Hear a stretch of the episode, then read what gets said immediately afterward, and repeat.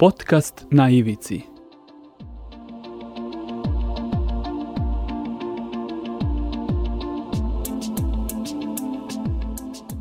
Na ivici. Pozdrav ljudi, otvaramo novu epizodu podcasta na Ivici koji se emituje na portalu storyteller.rs. Današnja tema je prilično osetljiva i bolna, ali tema koja je svakodnevno prisutna oko nas, iako njene glavne učesnike najčešće ne primećujemo ili se šta više trudimo da ih ne primetimo i ignorišemo. Mi ćemo danas govoriti o beskućništvu i beskućnicima i o ovom celokupnom društvenom problemu koji se svakako dotiče mnogih struktura. Gost podcasta je Igor Mitrović, direktor humanitarne organizacije ADRA. Igore, hvala na odvojenom vremenu i na gostovanju u podcastu na Ivici. Hvala Miroslave tebi na pozivu i drago mi da razgovaramo o ovoj važnoj iako ne baš prijatnoj temi. Pre nego što se upustimo u najavljenu priču, smatram da bismo na samom početku mogli i predstaviti samu organizaciju ADRA. Čime se vi prevashodno bavite? Ako sam ja dobro shvatio, e, reč je o beskućnicima i ovom problemu beskućništva, odakle potreba u, u, tebi, tebi, u tebi i u samoj organizaciji da, da pružate pomoć beskućnicima? Da, recimo da je lična karta Adre, Adra, puno ime Adre je Adventistički razvojni humanitarni rad. To je dakle humanitarna i razvojna organizacija civilnog društva koje je osnovala Hrišćanska adventistička crkva u Srbiji. E, u Srbiji radi 32 e, godine, u svetu e, skoro 70 godina i imamo sestrinske organizacije u otprilike 120 kancelarija, odnosno zemalja regiona.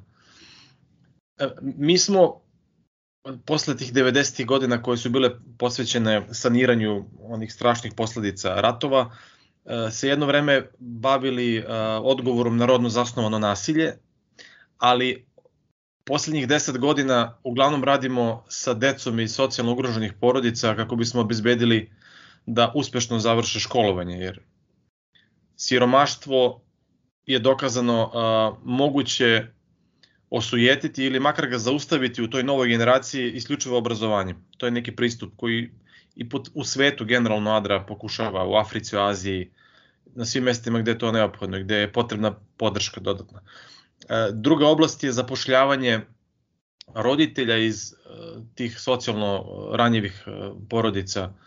To obuhvata u Novom Sadu recimo radimo i sa mladima koji su iz tih ranjivih kategorija, i mladima koji napuštaju sistem socijalne zaštite. Njima je ta podrška neophodna. A, a mi smo pre četiri godine skoro pa onako malo prozaično, bez nekog velikog plana, zakoračili stidljivo u oblast beskućništva. Kolega iz jedne organizacije i ja smo gledali video jedne organizacije iz San Francisco koja se zove Lava Me. Koliko sam razumeo to na španskom znači operime autobus, odnosno adaptirani gradski autobus, adaptiran u mobilnu tušionicu sa tuševima, sa toaletima, je omogućavao tuširanje, kupanje ljudima koji su živjeli na ulici tamo. E, I krenuli smo da maštamo da je to malo reći potrebno u glavnom gradu, a da ne govorimo o drugim gradovima. Pa smo tražili polovni autobus, pronašli ga, onda je krenula, mi, mi smo mislili, to je sad, ovaj lakši deo je pred nama, zapravo je teži bio, adaptiranje, koncipiranje rada, naći sredstva za sve to. I na kraju u, toj celu, u tom celom procesu kako, kako je odmicala priča i kako je naša a, upornost bila testirana, da budem iskren, da li ćemo odustati sa svim tim problemima koji su pred nama, a da nismo ni počeli, nekako smo shvatili da nema odustajanja i ajde ako nije previše, ne znam kako bih rekao, otkrili smo da imamo duboko ubeđenje da je potrebno da guramo to dok ne izguramo. I pitao si koja je bila ideja. Bila ideja veoma jasno s početka bilo. Problem beskućništva se ne rešava kamio, autobusom za tuširanje. pa čak ni sa 10 autobusa za tuširanje. Time se rešava deo prvog problema, a to je da ljudi koji su na ulici iz koje god razloga da su tamo završili, e, nemaju skoro pa nikakve usluge da im se taj, da, da im se strahote tog života malo ublaže, da se smanje negativne posledice života na ulici. Dakle, to je neophodno, intervenisati. Ali drugi deo problema koji je složeniji jer uključuje moćnije igrače, da se prevenira beskućništvo i da onda država, civilno društvo, ali i privatni sektor, poslovni, sarađuju kako bi po ugledu na neke uspešnije zemlje napravili uh, to neko sito da, da ljudi što teže skliznu ili ako skliznu da se što pre vrate. Tako da eto, mi smo sad, bavimo se pretežno ovim prvima, to je da im, da im omogućimo usluge koje nedostaju. Ali sve više razmišljamo i to neko iskustvo koje stičemo, koje mislim da je značajno, koristimo da u razgovorima sa nadležnima predlažemo rešenje, da kažemo koje rešenja se lako mogu sprovesti bez imalo novih finansijskih ulaganja. Dakle, nisu skupa, samo uz malo reorganizaciju i podešavanje sistema a onda imamo i predloge kako rešavati to na duge staze. Eto, malo duži, kraći odgovor, ali eto, izazvao sam. Da, da.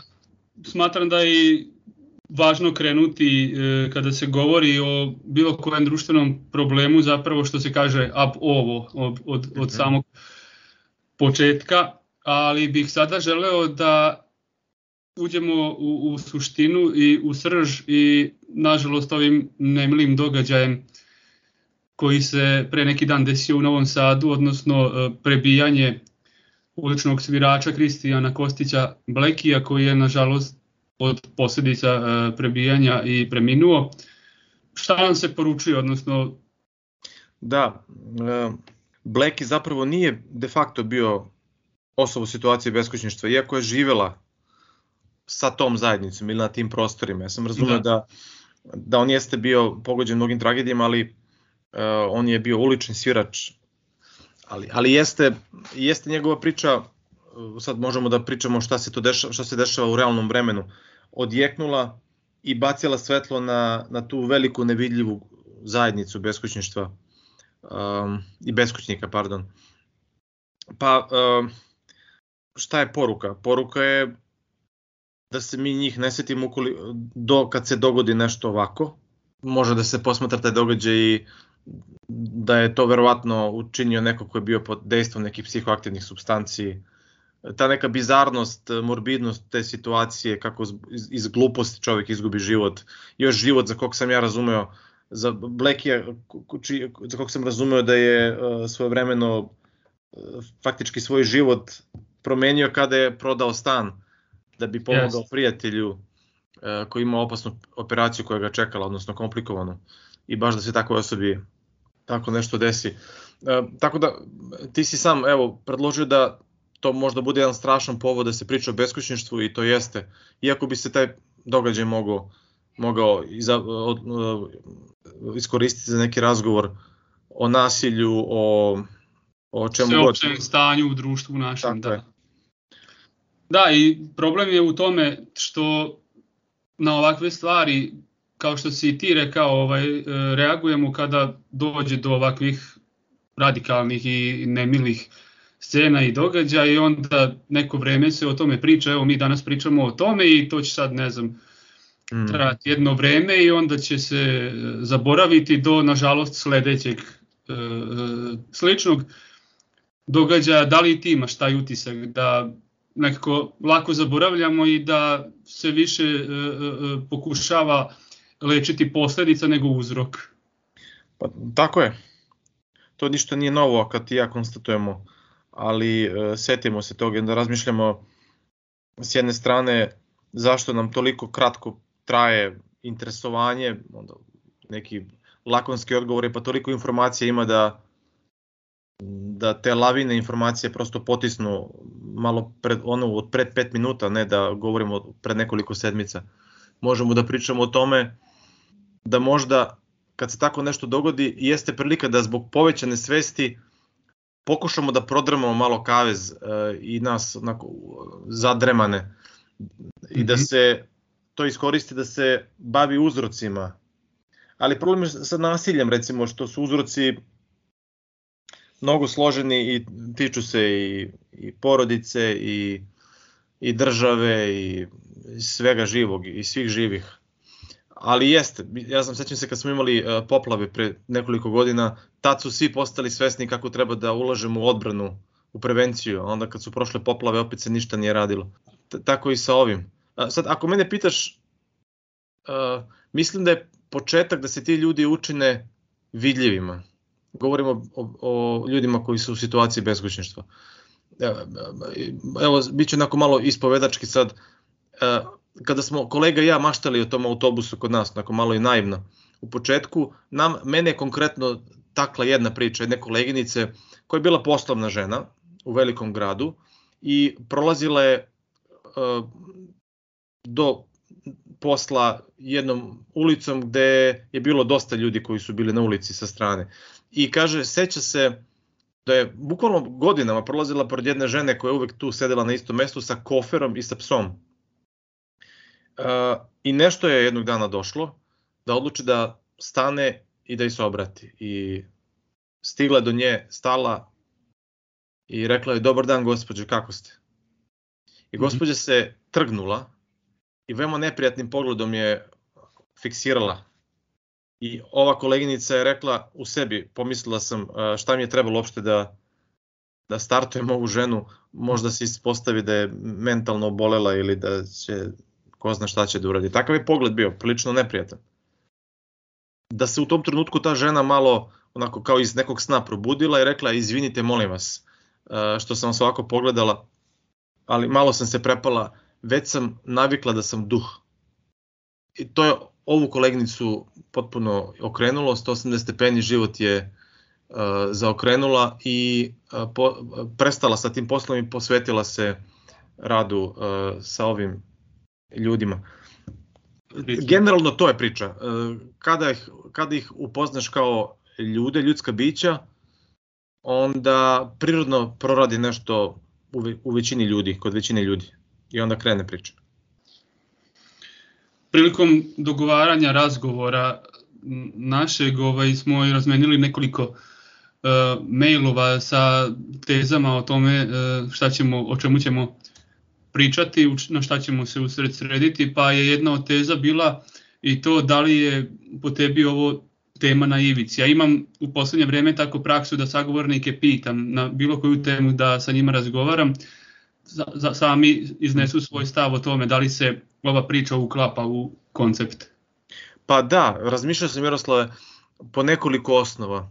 Uh, s jedne strane na ivici je zato što je ovo još uvek tabuizirana tema, ne priča se mnogo o tome, nedavno, imam osjećaj da je od nedavno, recimo u medijima, ona prisutnija. Tako da je na ivici u smislu da je bila polu u mraku, polu na, na svetlu. Mm -hmm. S druge strane, na ivici je, zato što kada pitaš ljude koji se bave ljudima na ulici, će reći da neretko razmišljaju imali smisla to, zato što s jedne strane imaš vetar u prsa od strane nadležnih, koji ti nisu baš neka velika pomoć, u velikom broju slučajeva, čast izuzecima, S druge strane, i kada se izboriš za neka sredstva, da radiš uproko svemu kao neka organizacija civilnog društva, kao neki aktivista, da sad neću da, namerno neću da romantiziram celu priču, mnogi od tih ljudi s kojima radiš sami ti otežavaju posao. Prvi su neodlučni ili neka zlopotrebe podršku koju im ti daš, što nije iznenađujuće i to, to, je, to je realno. Ali mhm. onda su ljudi koji rade s njima često na ivici u tom smislu da li da odustajem, da li ima smisla ili ne. E, možda, možda, je, možda je tu i odgovor zašto se ne velik broj ljudi organizacija bavi uh, ovim našim sugrađenima, zato što je realno teško se njima baviti, iz toliko razloga koje sam naveo. Na ivici je zato što uh, su najčešće, možda u tri četvrtina slučajeva, ti ljudi ne samo oštećenog fizičkog zdravlja, nego i mentalnog zdravlja. I onda je obična komunikacija sa njima je uh, često si u mraku i koleginica koja radi s njima kaže Igore, ko nije provodio svakodnevno vreme u tim razgovorima sa ljudskim bićem preko puta sebe koja, koja je neprestano kroz priču te, te osobe ti si suočen sa tim stalno radikalnim egzistencijalnim pitanjima. Hoću li preživjeti još jedan dan? Depresija, mrak. Tako da i, i s te strane definitivno I, ovo... I ovo što si napomenuo, egzistencija u formi duha po znacima navoda, to mislim da psihički ubija čoveka. Da, da, da. Da, i onda se čovek suši i smanjuje i ta neka bespomoćnost i bezizlaznost je to je posebna priča kako ljudi kada izgube posao, izgube stan, završe na ulici, neko vreme se dovijaju, budu kod prijatelja. I jedan, jedan od njih s kojim, s kojim smo radili je bio čovek koji je bio na estradi, bio je uspešan čovek. Mm -hmm. I rekao je trebalo mu je vreme da, da se odupre, odnosno da, da, da prestane da se odupire činjenici koja je bila tu. Ja sam beskućnik i kad se pomirio s tim bilo mu je lakše nije, nije, nije poricao više to, ali mu je bilo teže jer je kada sklizneš dole, onda se s tim pomiriš i a, teško se vraćaš. Ovo kako si pomenuo, to mi je onako, čini mi se da se provlači kroz e, veći niz e, nekih društvenih kategorija, da je zapravo sebi najteže e, priznati. Recimo i ljudi koji imaju problem sa zavisnošću od alkohola ili droge ili slično, Uh, najteže je samom sebi priznati da, da imaš problem i pošto sam imao već prilike da razgovaram i na teme problema zavisnosti od alkohola, od psihoaktivnih substanci, upravo su mi sagovornici govorili o tome da kada priznaš sebi, e onda je dobar deo posla već urađen i krećeš onda ka tom nekakvom oporavku, ka, ka svetlu, ka, kako bih to već ovaj, nazvao. Tako je, tako je. Pa u svim tim situacijama je isto i to je najteži korak, ali paradoksalno ima nešto predivno u tome da tad zapravo shvatiš da si sad spreman da se boriš, da isplivaš. E naravno, u našem, u našem iskustvu je da otprilike 10% ljudi uspe da ispliva. Pred svega zato što velik broj njih je toliko duboko pao i toliko ima tih, uh, bit ću sad malo, ali možda nije preterano, tih nekih ružnih ruku demona koji ih vuku nadole.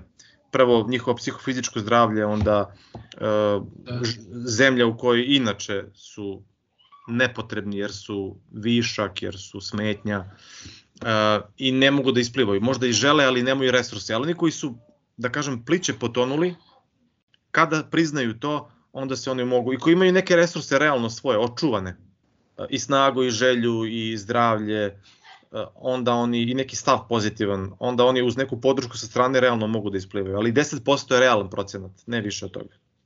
E, pomenuo si već i nadležne, nadležne organe, nevladine organizacije, civilni sektor i tako dalje. Beskućnici kao e, kategorija u, na, u našem društvu ili generalno, kako ih zakon prepoznaje i ko njima brine i vodi računa zapravo? Um, mi smo nasledili neku veoma, govorim mi, mislim na državu, nasledili jednostavnu podelu beskućnika na primarne i sekundarne. Primarni su oni koji žive na otvorenom, po toj definiciji, a sekundarni su oni koji žive u, najjednostavnije rečeno, onim nehigijenskim nasiljima, podstandardnim. Dakle, imaju neko sklonište, ali ono nije, nije po standardima stanovanja. Problem sa tom prostom podelom je što nekako je kao onako sekirom panj odsečen, e, nema, nema tih finesa i nema tih prepoznavanja nekih potreb, e, nekih važnih okolnosti. Naprimer, naprimer jedna, jedna druga podela deli sve njih na četiri, odnosno situacije beskućništva deli na četiri, na četiri grupe. Prva je otprilike ova primarni, oni koji žive na otvorenom, a onda postoji druga, treća i četvrta. E, druga su, kako se obično kaže, ljudi koji uh, žive u um, nesigurnom uh, stanovanju. To su ljudi koji su um, privremeno negde, recimo osobe koje su trpele nasilje, budu sklonjene u sigurne kuće. A osobe koje su u situaciji beskućništva budu prihvaćene u prihvatilište. To je privremeni smeštaj. Oni su tu, ali su privremeno tu. I uh, čeka ih pre ili kasnije ulica ukoliko naravno nemaju nemaju rešenja, a govorim onima koji nemaju gde da se vrate. Mm -hmm. Oni su sad privremeno negde sklonjeni. Zato, zato, imamo... zato i sklonjeni, jel tako što... Tako je, tako je, tako da. je, tako je. Uh, imaš, uh, uh, treća grupa su oni koji su u situaciji nesigurnog stanovanja. Uh, recimo oni koji su, to su oni koji kratko trajno borave kod prijatelja, rođaka ili nelegalno stanuju negde ili su, to je sad kod nas nažalost velika grupa, stanuju pod pretnjom prinudnog iseljenja. Krediti, ne, nemogućnost da se vrate, sudsko rešenje i najviše se bojimo da ima mnogo ljudi koji su na ivici da, da, da zapravo preko noći izgube i da se nađu na ulici. I četvrta grupa su oni koji žive u takozvanom neadekvatnom stanovanju.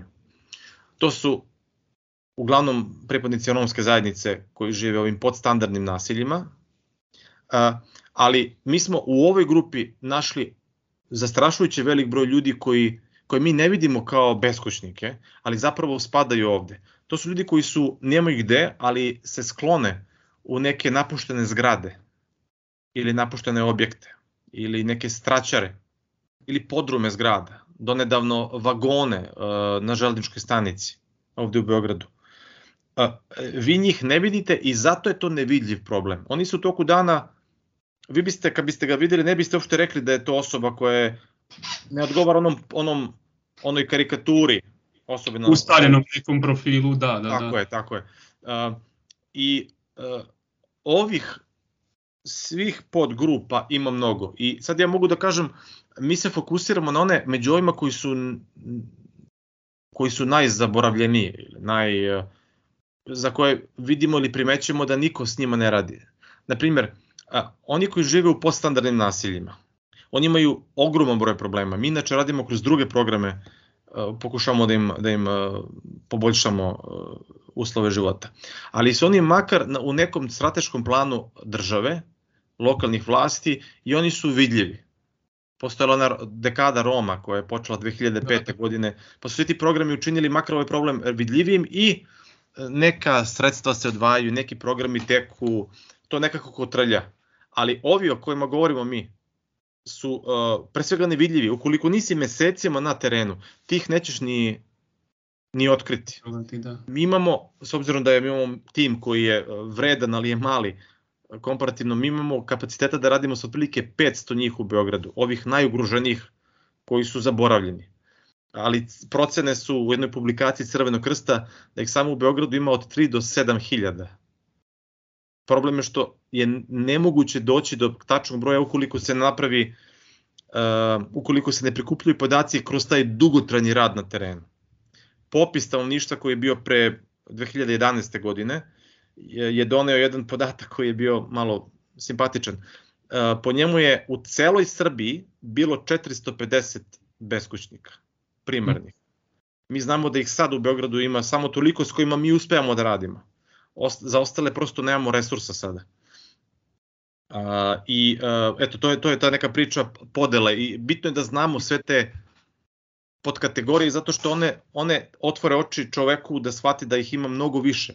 Dakle, ja znam mnogo ljudi koji su na ivici, možda su dve plate udaljeni od ulice. Dakle, ukoliko M su malo plaćeni, M ako ne budu primili jednu ili dve plate, oni praktično, pošto su pod krijom, da. će skliznuti na ulicu. I to je strašna mogućnost što su, što su svi ili veliki broj ljudi u tom nekom statusu nesigurnosti i neke teskobe, jer, jer im to preti i oni to da. znaju. Da. Na ovo bih se nadovezao sada jednom grupom pitanja. Dakle, mi slušamo sa uh, ekrana da uh, zemlja postiže ne znam kako ekonomska uh, dobra dostignuća i slične stvari, ali ukoliko više verujemo svojim sobstvenim očima i naučanicima, na kraju krajeva vidimo da zapravo situacija nije baš onakva kakva nam se prezentuje. Na ovo se onda nadovezuje pitanje da li su siromaštvo i beskućništvo potencijalno posledično povezani, jedna stvar, a druga stvar kako onda celokupna ta nepovoljna i loša situacija na ekonomskom tržištu, zaduživanje, pa sada eto situacija sa koronavirusom, pa inflacija, pa skok cena, pa taj začarani krug, koliko zapravo sve ove stvari prete ljudima i ugrožavaju njihovu egzistenciju ukoliko još u obzir uzmemo i ovo što si rekao da su neki ljudi evo, bukvalno na dve plate od toga da skliznu u beskućništvo. Da li zna, zapravo beskućništvo na taj način onda preti eto, svakom čoveku? A, definitivno. Ukoliko, ajde da kažemo, ko ima sreću da postojde nekretninu u kojoj može da živi i da ona bude blizu mesta gde možda zaradi novac, onda je on siguran. Ali ukoliko neko čak ima kuću, ne znam, u Senti, ali uh, tamo nema šta da radi, ne ume da, ne može da se snađe, ne može ni da radi bilo šta što toj zajednici mu se pruža kao prilika, on prirodno pobegne u Beograd i on imamo takve ljude koji imaju neke nekretnine, ali su de facto uh, one neupotrebljive za njih, neko će reći. To je sad malo složena priča. Uh, Odgovor je da. Većina ljudi su u nesigurnoj uh, situaciji, odnosno u, u situaciji u društvu koje je stoliko strana kao neka ledina na kojoj preti vetrovi razni, definitivno ugroženi i ranjivi. Mnogo toga ih može baciti na ulicu. E, zašto je to tako? Ti ćeš pozvati neke mnogo kompetentniji uh, neke umove koji mogu da zađu i sa strane ekonomije i politike i svega ostalog. Mada danas mislim da većina nas smo i stručnici, dovoljni stručnici da kažemo šta sve dovodi do toga slaba ekonomija, slaba država, slabe socijalne usluge, slabe u smislu ne mogu da dođu, izađu na kraj sa onim što, što vreme donosi, su se faktori koji bacaju ljude bliže tome da budu na ulici. I to je stvarnost. Definitivno. Pitao si da li siromaštvo i beskućništvo da li su povezani utročno posledično? Apsolutno. Svuda je tako. U, Americi, kod nas. Uh, u nekim, u nekim uh, društvima koje imaju jače porodice i te neke strukture, uh, teže je čoveku da, da bude, ako i napravi glupost, porodica ga uvuče unazad i ne da mu da ode radikalno tamo daleko, da bude sam, da bude praktično na ivici života i smrti zimi kad spava napolju, na primjer. Ali mi takvo društvo više nismo, ako jesmo bili, i nemamo tu neku osnovu koja čuva ljude. Recimo u selima je teže biti beskućnik, jer ti se uvek neko nađe, rodbina, komšije, bliži smo onako ušorani smo ne samo prostorno nego i, i nekako mentalno i duhovno. U gradu priča otuđenja i svega ostalog što grad donosi. Da, ljudski, svaki čovjek za sebe i... Tako je, tu je mnogo lakše, on, on je kao onaj, ono svetlo koje prilačene uh, leptire, svi jurnu tamo, ali tamo mnogo je lakše i da te sprži. Uh, Da, ovo kako si isto pomenuo bio i to da zapravo je situacija manje više što se toga tiče slična i u Srbiji i u Americi, čisto jedna digresija, gledao sam ima već ne, izvesno vreme je prošlo neki dokumentarac baš ovaj o beskućnicima i čini mi se u državi Washington da je ovaj uh mhm. -huh. u, u šumi blizu Sijetla čini mi se bukvalno grad od šatora, ljudi su se tu koji su zbog posla i zbog gubitka posla i zbog nemogućnosti otplaćivanja kredita prosto ostali bez doma i bez svega što su imali i prosto tu su se onda naselili to čini mi se da je to bilo nakon one krize 2008. godine, znači tu 2009. 10. da je to ovaj iz tog perioda taj dokumentarac, pa eto čisto to, dakle mm -hmm. nijedno društvo, niti jedna država nije imuna na, na, na... Tako je, tako je, tako je. Sad sam me podsjetio nešto što može biti korisno ljudima koji slušaju. E, fantastičan e, film, e, preporučujem ga, Leave No Trace. Leave No Trace uh, govori o ocu i devojčici 13-godišnjoj koji odlučuju da, zapravo on odlučuje da oni žive u jednom uh, gradskom parku kao beskućnici i poseban film. Uh, i malo donosi jednu novu dimenziju, to je neki ljudi odlučuju da budu beskućnici. Um, I da je to komplikovano. Nekima je to nužda, najvećem broju ljudi to nije bio izbor, ali neki odlučuju iz mnogo razloga da, da na to se odlučuju se na to i onda postaje pitanje da li sad ove treba da prepustimo njihovom izboru ili ne. Um, I eto, preporučio sam, mislim da je dobro da, da ljudi pogledaju. E, kada već govorimo na ovu temu, želeo bih da pitam i to, eto, ovaj, vaša organizacija i ti konkretno bavite se beskućnicima, ali kako bi recimo bilo to da u podcastu gost bude beskućnik, a ne eto direktor organizacije koja se bavi beskućnicima i koja u svu dobru volju njima e, pomaže. Isto tako, koliko je to zapravo, evo što sad ti ja razgovaramo, koliko je to po znacima navoda pošteno. Vi, ti kao predstavnik organizacije Adra, ja kao novinar, koliko smo mi zapravo kompetentni da govorimo na ovu temu i ti kao direktor koja se bavi e, ovim problemom i ja kažem kao novinar, čitao sam malo i, i tekstove na vašem sajtu, recimo Gaga, Crna i Bela mm -hmm. i neki drugi članci koji su to bili, znači iskustvo ljudi koji su to prosto iskusili? Pa bilo bi mnogo bolje i efikasnije uh, u želji da, da približimo tu stvarnost kada bi uh, smo dovodili više njih da, da govore definitivno. Naša ideja je bila da, da makar malo uh, ispravimo tu anomaliju, što uglavnom ljudi iz drugog iz druge ruke saznaju, a to je da mi kao ljudi koji se bave njima pričamo njima, tako što smo pokrenuli taj feljton ili rubriku životne priče beskućnika na sajtu adra.org.rs, možete da ih čitate. Ko, uh, tvoj kolega uh, Vuk Vučković i njegov kolega fotograf Miloš Stošić uh, idu ulicama, upoznaju ljude, zapravo oni već njih znaju jer su i Vuk i Miloš dugi niz godina prisutni u toj zajednici, upoznaju i znaju mnoge ljude. Ono što Miroslave sam ja doživio kad sam slušao njihove priče, shvatiš iz prve ruke kako to izgleda. Nije ni romantično, e, nije ni uh, ružičasto. E, oni sami priznaju da su oni sami ovakvi ili onakvi ljudi.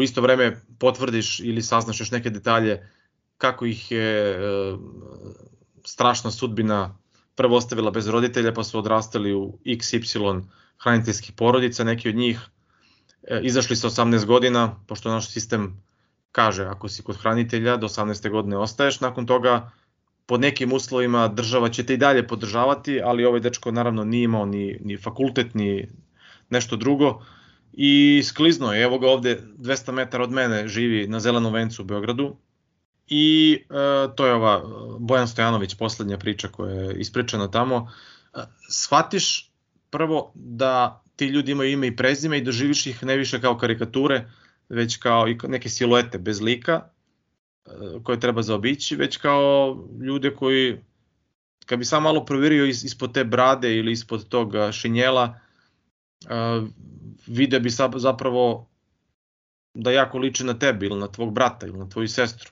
Mogli smo biti svi mi tamo i nekim glupim sticam okolnosti koje uglavnom ljudi nisu birali, su završili tamo. To, me, to meni rade taj priče. Shvatim da, to, da su to ljudi,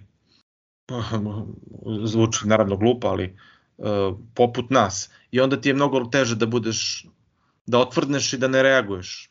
Uh, mislim da je cijelo priče jako bitno, nije svako pozvan da sad posveti svoj život uh, pružanju podrške ovim sugrađanima.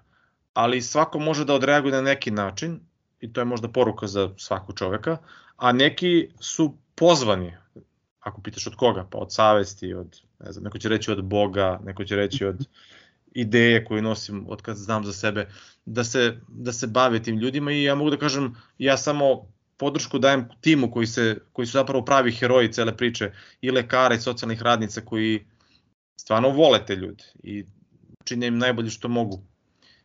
I uh, inspirišu iskreno. I kad, kad posmatram ljude iz, iz Adra, iz drugih organizacija koji su uporni godinama uh, u tome, uh, vrati se neka nada da stvarno se može nešto konkretno raditi na duge staze. Bilo je već malo reči o tome, o tome uh, kako neki 10% ljudi uspe da ispliva iz beskućništva i hteo bih još malo i o tome da prodiskutujemo da li i na koji način beskućnici pokušavaju da se tog problema reše, odnosno da li pokušavaju da nađu posao, da se angažuju, nađu ponovo dom i slično. Kada uđeš u tu zajednicu, shvatiš da su neki došli tu zato što su e, bili odrastali bez roditelja kao Bojan kog sam opisivao. Neki su imali firmu, propala, završili na, na ulici, nisu imali plan B. Treći su a, svojevremeno pobegli iz Bosne, tamo im ništa nije ostalo. Ovde su imali neki život na onako na staklenim nogama, puklo je, završili su tu. Neki su bili znaju za sebe sa uh, oštećenjem mentalnog zdravlja, brinuli su se drugi o njima, kada su ti neki mama, tata preminuli, ostali su sami, realno bez sposobnosti da se brinu o sebi, a nedovoljno oboleli da bi ih država primila. I, i nećeš verovati koliko ima ljudi u toj nekoj kategoriji. A, u, u toj cijeloj priči ima ljudi koji žele da se, ako im se pruže podrška, da se izvuku. Među njima ima onih koji su u stanju da se izvuku, ne samo da žele, nego su u stanju. Ima onih koji su toliko ranjeni, ajde da ne kažem oštećeni, da, da prosto ne mogu, ne snalaze se, jer i to neko uključivanje u život zahteva neke veštine koje oni prosto su ili zaboravili ili nikad nisu razvili, tako da je to sad jednom rukom se boriš protiv birokratije države koja je spora. Mogu da pričam i konkretno u čemu se to sastoji. S druge strane, malo se rveš i sa čovekom kom pokušavaš da, da pomogneš. Recimo od hiljadu ljudi s kojima mi radimo, 500 s kojima redovno radimo, hiljadu koji su makar jedan put nešto dobili od nas, ne, neka smo vrata otvorili, ne znam, vreće za spavanje smo podelili. Otprilike godišnje 130 ili 140 ljudi uspemo da, da realno izvučemo iz tog stanja beskućništva na neki viši na neku višu platformu. Tako što im obezbedimo ili pomognemo u tom procesu mučnom, dugom, da dobiju ličnu kartu, jer, jer je velik broj njih nevidljiv. Ili knjižicu zdravstvenu, ili osiguranje zdravstveno. Pa im pomognemo u tim beskonačnim procesima da uopšte ono što im država nudi da dođu do toga, ne znaju kako da popune nešto, ne znaju, treba biti uporan kod onog službenika, zaobići onog službenika, treba pisati žalbu do, i biti uporan i čekati i uporan dok ne bi nešto odradio. Tako da tih 130-140 ljudi godišnje su oni koji su odskočili gore jer su želeli i mogli dotle. Problem je što čak i kad se neko, evo jedan momak koji je izašao iz zatvora nedavno, niko ne želi da ga zaposli on kaže ja ih razumem, ja prvi sam vodio takav i takav život, neke sam lekcije naučio, mnogo je proveo u zatvoru, iako je mlad, i svakoga od poslodavaca, jer to mu izlaz u suštini, ako se zaposli imaće priliku da se iščupa. Da. Pita ga, samo donesi onu potvrdu iz supa, ono manje više pro forme, on kaže da, ali ja nemam potvrdu, nisam usuđivan, ja sam ležao u zatvoru. A pa ništa onda. I onda kad najđe na jednog poslodavca koji, koji hoće da ga zaposli i zaposli ga, i to bude stabilno i čak i ono, Boga je pogledao, on sam to kaže, onda krenu neke stare navike kod njega, koje ga vuku nadole, pa se ne pojavi na poslu ili počne malo da nešto sa novcem neodgovorno se ponaša, uh, ne u kriminal, ali prosto i onda sam sebi ukopa. Tako da ti moraš da budeš, ako želiš, tu istrajan. Istrajan zato što to nisu one proste priče hollywoodske od 90 minuta koje bio je dole, izvukao se u fanfare sa happy endom, da. sve ok, nego je to mnogo komplikovanija priča. Sad imaš želudac za to ili nema želudac, ali to su realne uh, realne priče. Eto, ja sam malo otišao na ovu stranu, ti si da. pitao nešto drugo, ali tako me je povelo.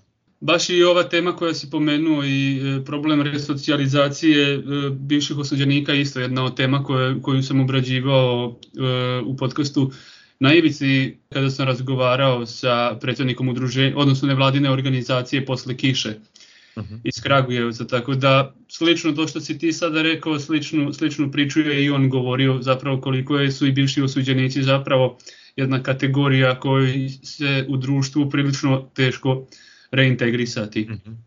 E, a hajde onda da pitam i to, kako, kako je beskućnicima da se resocijalizuju i ponovo integrišu u društvu. Ja sam isto tu u tim tezama naveo taj primer iz filma Life, ne znam da li si gledao ili nisi sa Edijem Murphyjem, e, jednim u, u glavnoj ulozi kada je osuđen za ubistvo koje nije počinio i ceo život je proveo u zatvoru i jedan isto zatvorenik je ovaj dobio rešenje da se pušta na slobodu i zbog toga je bio nesrećan. Prilazi mu Edi, ne znam tačno kako se lik, lik njegov zove u filmu, kao što, zbog čega si takav, kao ne znam kako da živim na polju i čovek mm -hmm.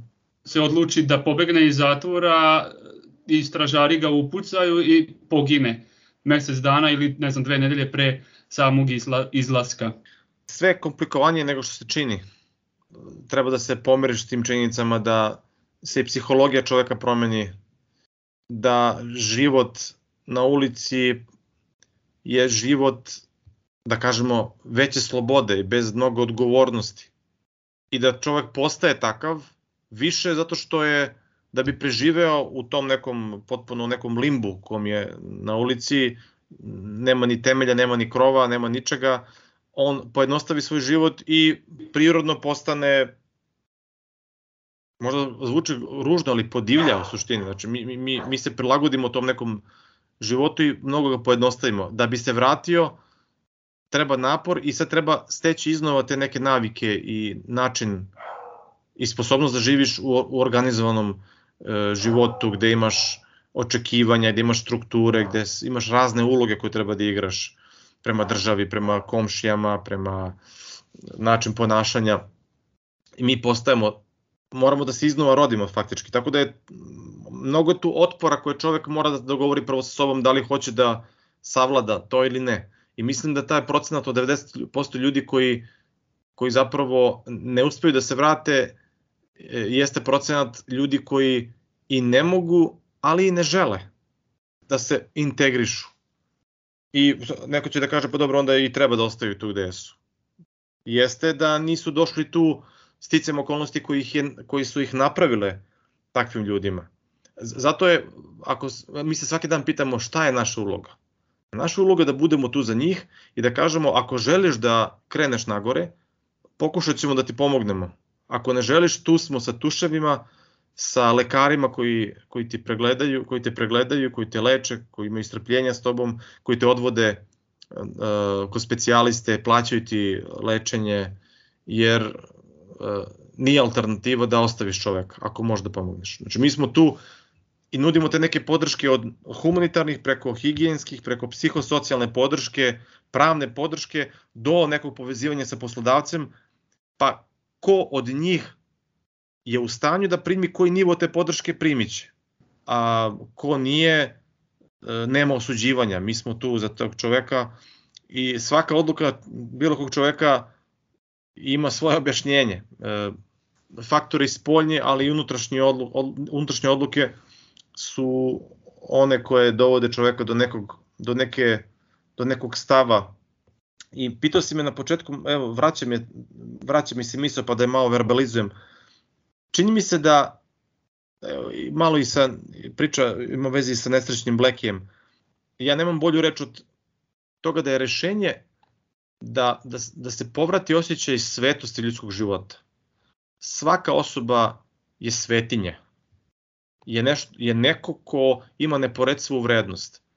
Bio on briljantan inženjer sa 150 IQ ili dementna baka, još beskućnik s kojim ne možeš da ostvariš najobičniju razmenu dve rečenice.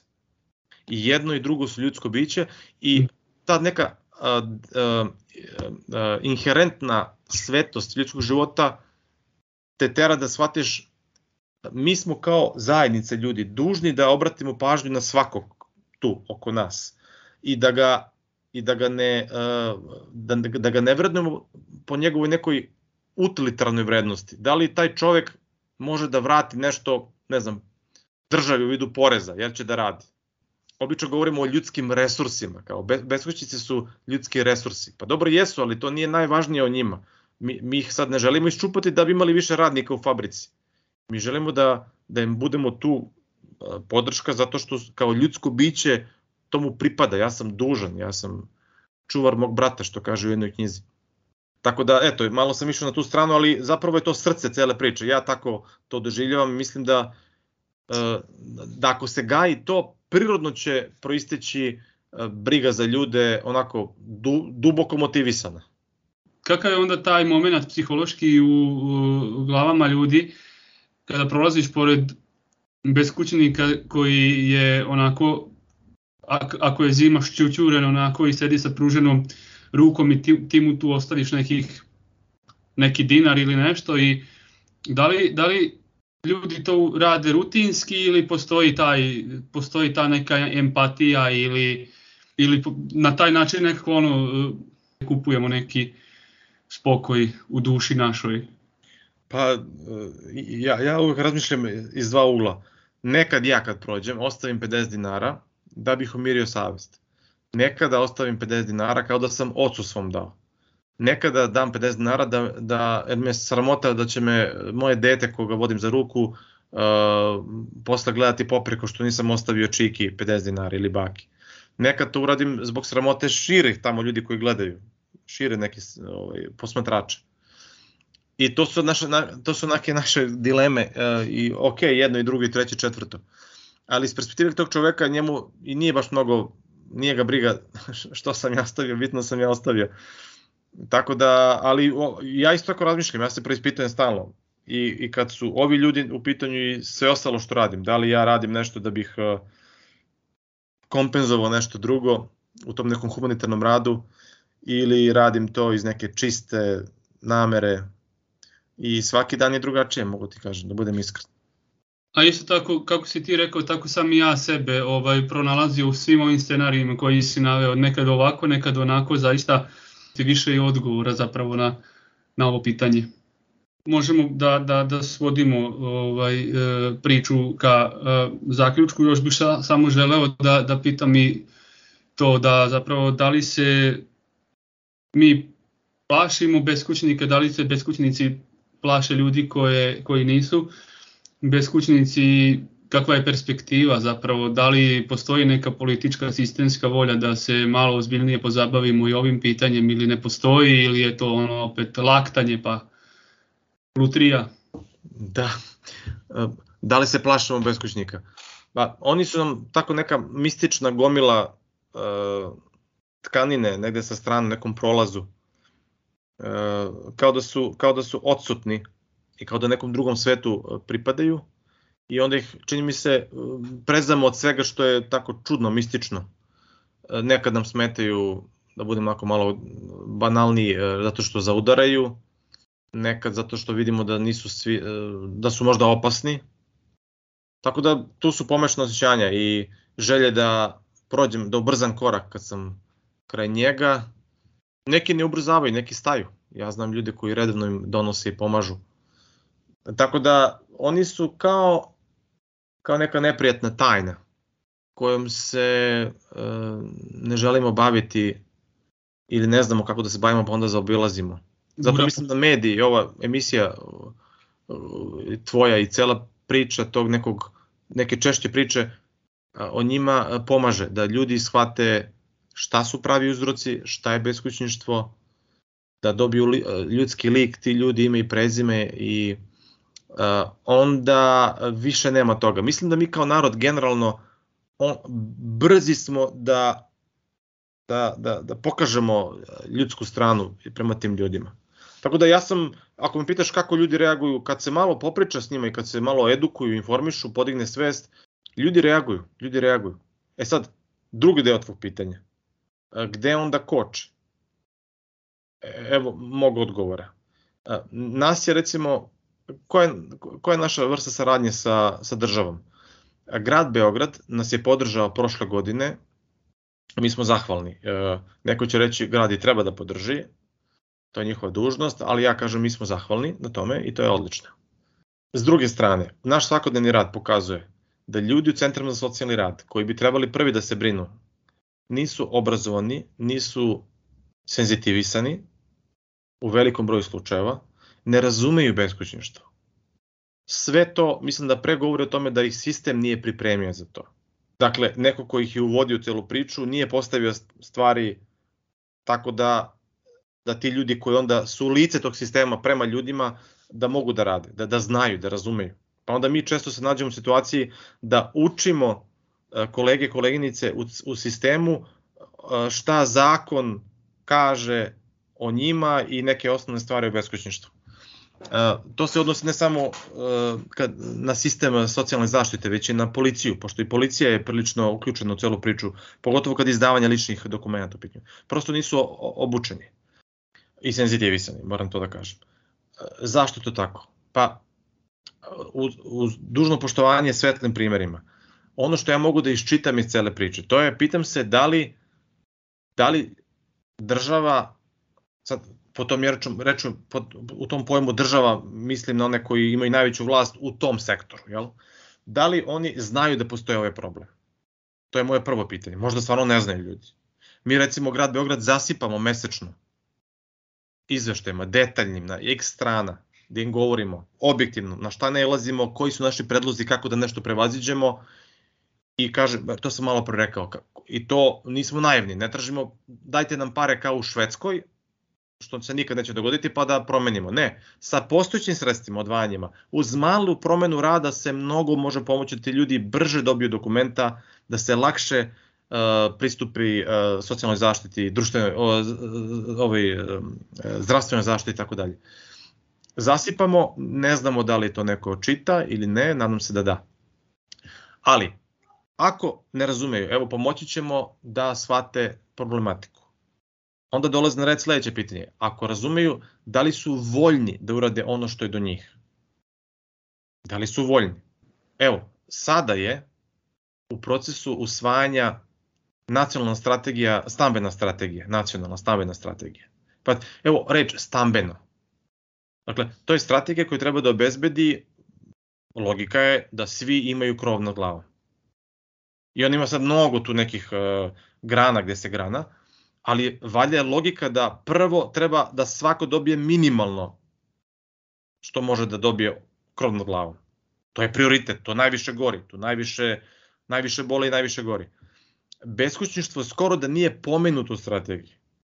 Ili nisu znali, ili nisu hteli da ga pomenu. I to mora da se kaže sad, jer ako se to bude ozvaničilo, bojim se da smo onda vezali sebi ruke iza leđa na još neki period ja lično verujem u civilno društvo koje je saradljivo i koje je dobronamerno. Ne, volim civilno društvo koje e, se protivi e, ljudima koji vrše vlast samo da bi se protivilo. Ali kad se vidi propust mora se reći. Hajde da sarađujemo, hajde da vidimo najbolje što svako može da, da odradi. Mi smo na terenu, znamo situaciju i kolegi iz drugih organizacija. Ali država mora biti lider, mora da pokaže želju da nauči i ako već zna da iskorači, ako ne, svi smo taoci tog stava, a to je stvarno neprihvatljivo, to je zaista bez veze. E, što je najzanimljivije, kada država pokaže malo, malo otvorenje oči za ovaj problem i kad se to bude oslikalo u dokumentima, postoje sredstva e, iz međunarodne zajednice koje se mogu povući da se neki akcioni plan i počne sprovoditi, da se prevenira preduprede beskućništvo i da se adekvatnije odgovore na postojeće e, beskućništvo. Ali ti svi partneri, donatori e, neće dati ukoliko država nije čak ni na papiru prepoznala da taj problem postoji. I ja sam uvek čovjek koji gleda pozitivno i e, hrabrim se nekim dobrim kontaktima koji imamo sa predstavnicima države, ali je, bojim se, ovo veliki problem koji mora da se rešava i da je to najveći, najveći čep koji postoji sad. Hvala ti Igore na, na, na svim ovim informacijama i iscrpnim i e, kvalitetnim odgovorima. Ja se istako nadam da će i naša priča makar malo doprineti tome da se o problemu beskućništva govori znatno glasnije, otvorenije i hrabrije. Hvala ti još jednom što si odvojio vreme za gostovanje u podcastu na Ivici i smatram da e, je i ovo jedan od načina na koji, na koji možemo da govorimo o ovom problemu jer je zapravo našem celom društvu to potrebno. Hvala ti Miroslave mnogo na, na prostoru i uh, moje su nade iste kao tvoje hvala ti, e, sa ovim bih i zaključio. Ljudi, za danas bi to bilo sve.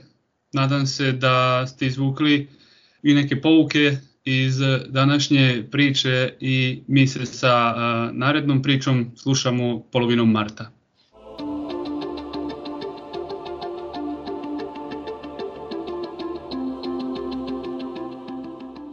Podcast na ivici.